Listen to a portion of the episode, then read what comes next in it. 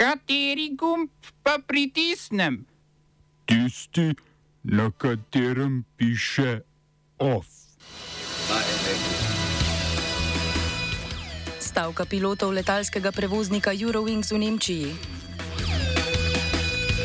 Gladovna stavka v centru za tujce v Postojni. Županski kandidat SDS v Ljubljani Igor Horvat. Inštitut 8. marec v državni zbor uložil 6000 podpisov za brezplačna osnovnošolska kosila.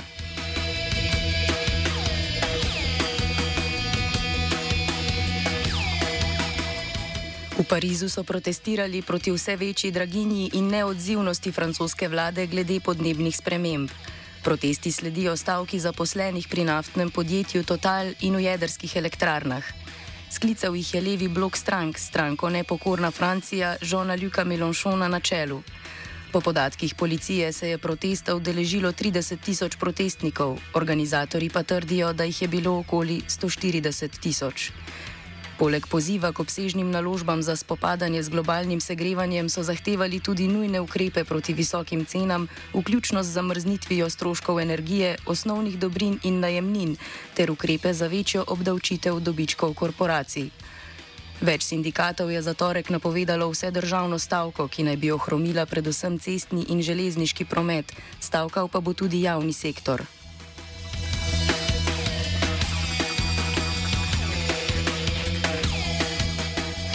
Piloti letalskega prevoznika Eurowings, hčerinske družbe Lufthansa, so v Nemčiji začeli s tridnevno stavko. Piloti so se za stavko odločili potem, ko sindikat VC, ki zastopa skoraj 10 tisoč pilotov in letalskih inženirjev nemških letalskih prevoznikov, ni sprejel ponudbe letalske družbe za več prostih delovnih dni in zmanjšanje delovnih ur. Eurowings je pilotom ponudil 10 dodatnih dni dopusta letno in 3 ure manj dela na teden, kar je po mnenju sindikata še vedno premalo. Osrednji zahtevi sindikata sta manjša preobremenjenost pilotov in daljši čas za počitek. Letalska družba je sporočila, da se o ponudbi ni mogoče pogajati in da kakršnakoli nadaljna znižanja delovnika ne bi bila ekonomsko upravičena. Stavka naj bi prizemljila polovico od 400 letov, ki so napovedani za ta čas. To sicer ni prva stavka pilotov tega ponudnika ta mesec. Na začetku oktobra je stavka pilotov onemogočila okoli 500 poletov.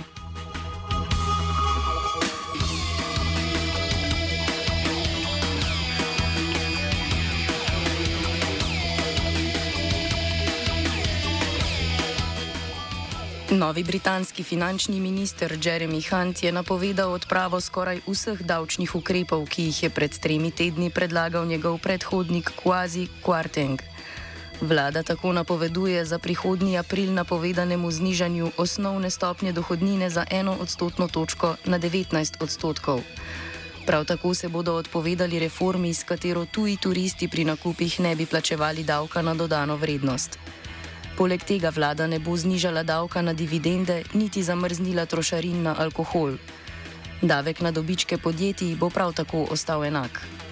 Vlada Listras je, preden je premijejka zamenjala finančnega ministra, z davčno reformo predvidela tudi pomoč gospodinstvom zaradi visokih cen energentov.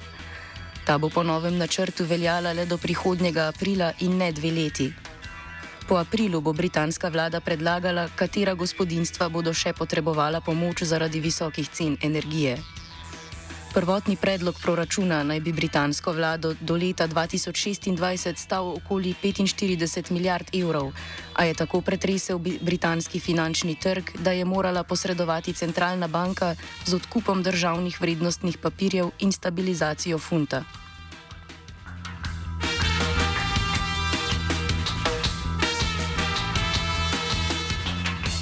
Rusija nadaljuje z napadi na ukrajinsko glavno mesto Kijev. Po trditvah ukrajinske strani Rusi uporabljajo tako imenovane drone kamikaze, ki naj bi jih Rusiji dobavljal Iran. Cilj napadov naj bi bila energetska in logistična infrastruktura, med drugim glavna železniška postaja. Medtem še vedno potekajo boji v vzhodni regiji Donbas in v provinci Herson na jugu, kjer je ukrajinska vojska v protiofenzivi. Ključni žarišči sta mesti Soledar in Bakmut, kjer potekajo najhujši boji.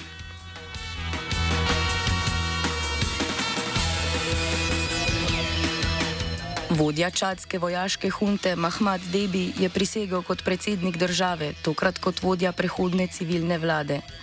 Debi je zadnjih 18 mesecev vodil vlado kot predsednik vojaškega sveta. Na ta položaj je prišel po vojaškem udaru, ki je sledil smrti nekdanjega predsednika in njegovega očeta Idrisa Debija.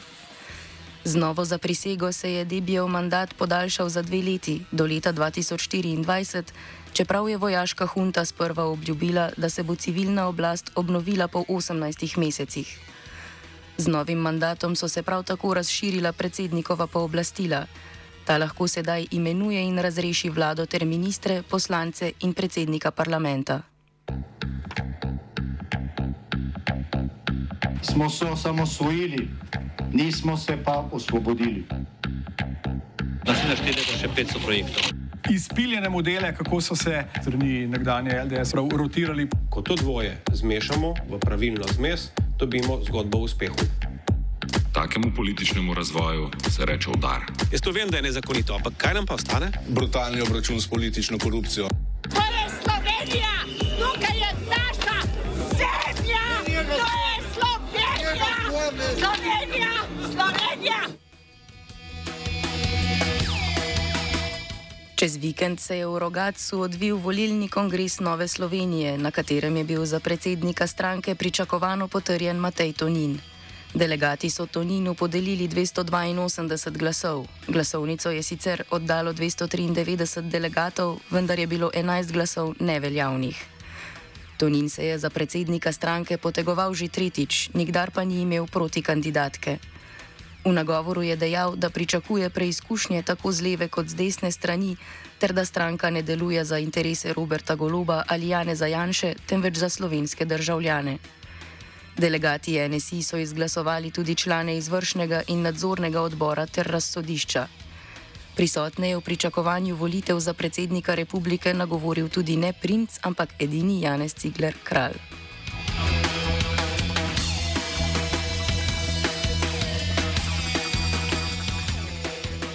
13 oseb, ki so priprte v centru za tujce v postojni, je zaradi neuzdržnih razmer, pretepanja in psihičnega mučenja, ki ga izvaja policijsko osebje, v petek začelo gladovno stavkati. Kot trdijo, jih notranje ministrstvo ne obravnava enakopravno z ostalimi prosilci za azil. Zahtevajo premestitev v azilni dom, kjer bi imeli možnost izhoda. Več o trenutni situaciji v centru za tujce pove aktivist Miha Blažič. Ja, zadnje čase dobivamo poročila, da je če dalje več ljudi uh, bilo zaprtih v centru za tujce in da v bistvu se dogaja ena nova policijska politika, kjer ljudi, ki uh, prosilce za azil in pa tiste, ki so podali namero za prošnjo za azil, se pravi, ki še niso v obravnavi uh, in grejo ven iz azilnega doma, bodi si po Ljubljani na sprehod ali pa kje z javnim prevozom drugot v Slovenijo, jih iz. Uh, jih v bistvu policija legitimira, odpelje nazaj v, cent, eh, v azilni dom in tam dobijo potem odločbo o omejitvi gibanja. To pomeni, da so potem zaprti v center za tujce. Eh, in to se zdaj že nekaj časa dogaja, teh ljudi, ki so v bistvu pač prosilci za azil, ki, ki v bistvu čakajo na, na ta postopek. Uh, čakajo dejansko v zaporu. Ne? In to v bistvu lahko traja tudi po par mesecev. Uh, tako da ko bi rekel, štrajkajoči v tem trenutku, ki zavračajo hrano, to počnejo, ker so popolnoma uvorčeni nad tem ravnanjem. Kot doda Blažič, to ni prva takšna stavka zaprtih v centru. Zaradi slabih razmer pa prihaja tudi do drugih odklonilnih dejanj zaprtih. Bi dodal samo to, da to še zdaleč ni prva gladovna stavka v centru za tujce v bistvu center za tujce ima zelo dolgo zgodovino takih protestov, kot vemo, to ni tako značilno za zapore in druge totalne institucije. Tukaj se pa to dogaja vse čas ne? in prihaja tudi do samopoškodovanj, uh, poskusov samomora, različnih odklonskih vedenj, enostavno zaradi tega, ker gre za institucijo, ki uh, ljudem ne nudi nobene, nobene pravne varnosti, ker so ljudje zaprti v bistvu brez kakršnega koli jasnega razloga in za zelo dolga in arbitrarno določena obdobja. Ne. In to je v bistvu vedno iz strani pripornikov nespremljivo. In mislim, da tudi nam, ki, ki gledamo to od zunaj, bi moglo to biti nekaj nespremljivega.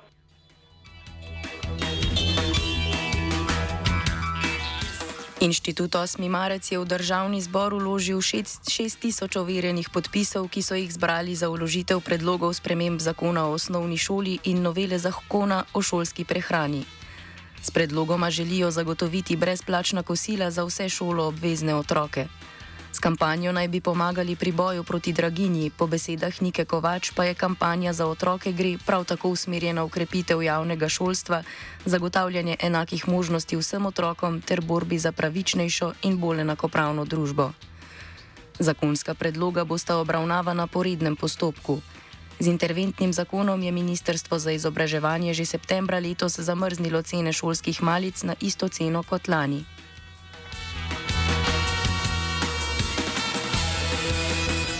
Kandidat Slovenske demokratske stranke za župana mestne občine Ljubljana je Igor Horvat, so sporočili iz stranke.